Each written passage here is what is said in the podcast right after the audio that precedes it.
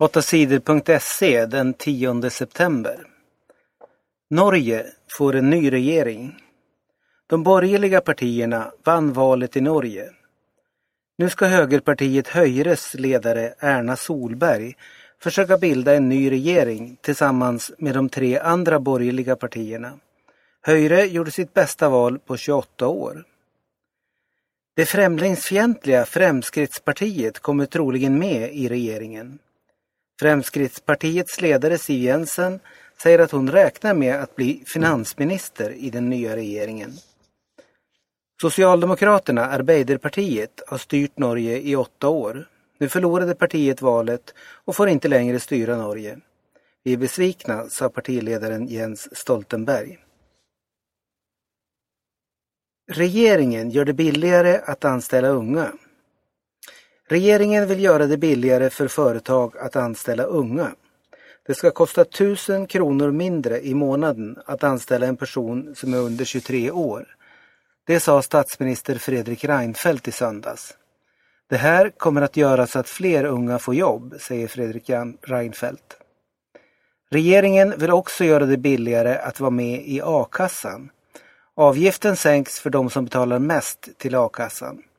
Två miljoner människor får lägre avgift. Nadal och Williams vann US Open. Rafael Nadal från Spanien vann US Open i tennis. Han vann med 3-1 i set mot världsettan Novak Djokovic från Serbien.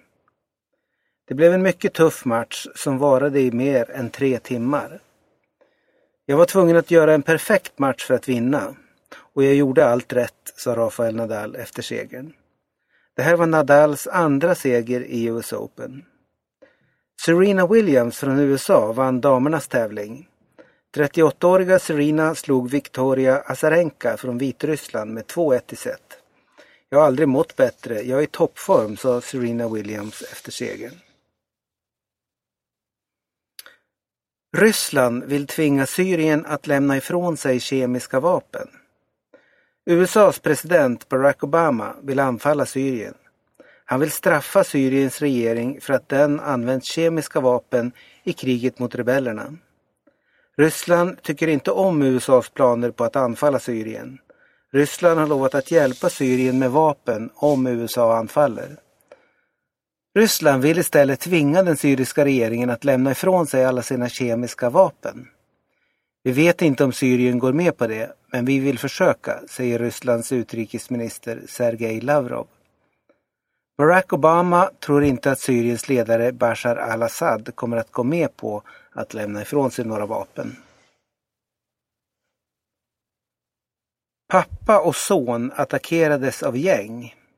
En man och hans lille son blev attackerade av ett gäng. Gänget slog och sparkade pappan och knuffade omkull sonen. Sonen är bara ett och ett halvt år gammal. Det hände i Malmö i söndags kväll. Killarna i gänget försökte kasta ner mannen från en gångbro. Gänget skrek rasistiska saker åt mannen och pojken. Det här är ett väldigt allvarligt brott, säger polisen Thomas Bull. Mannen fick åka till sjukhus för vård. Sonen fick inga skador. Sophämtningen stoppas efter överfall. En man som jobbar med att hämta sopor blev på måndagen slagen i området Rosengård i Malmö. En man blev arg för att sopbilen stod i vägen. Han slog och spottade på sophämtaren. Nu har fackets skyddsombud stoppat sophämtningen på gatan där det hände.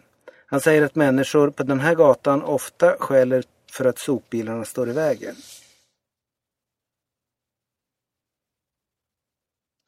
Sverige är utslaget ur basket-EM. Sverige gjorde en riktig bragdmatch i basket-EM. Det svenska laget vann mot Ryssland. Men det hjälpte inte.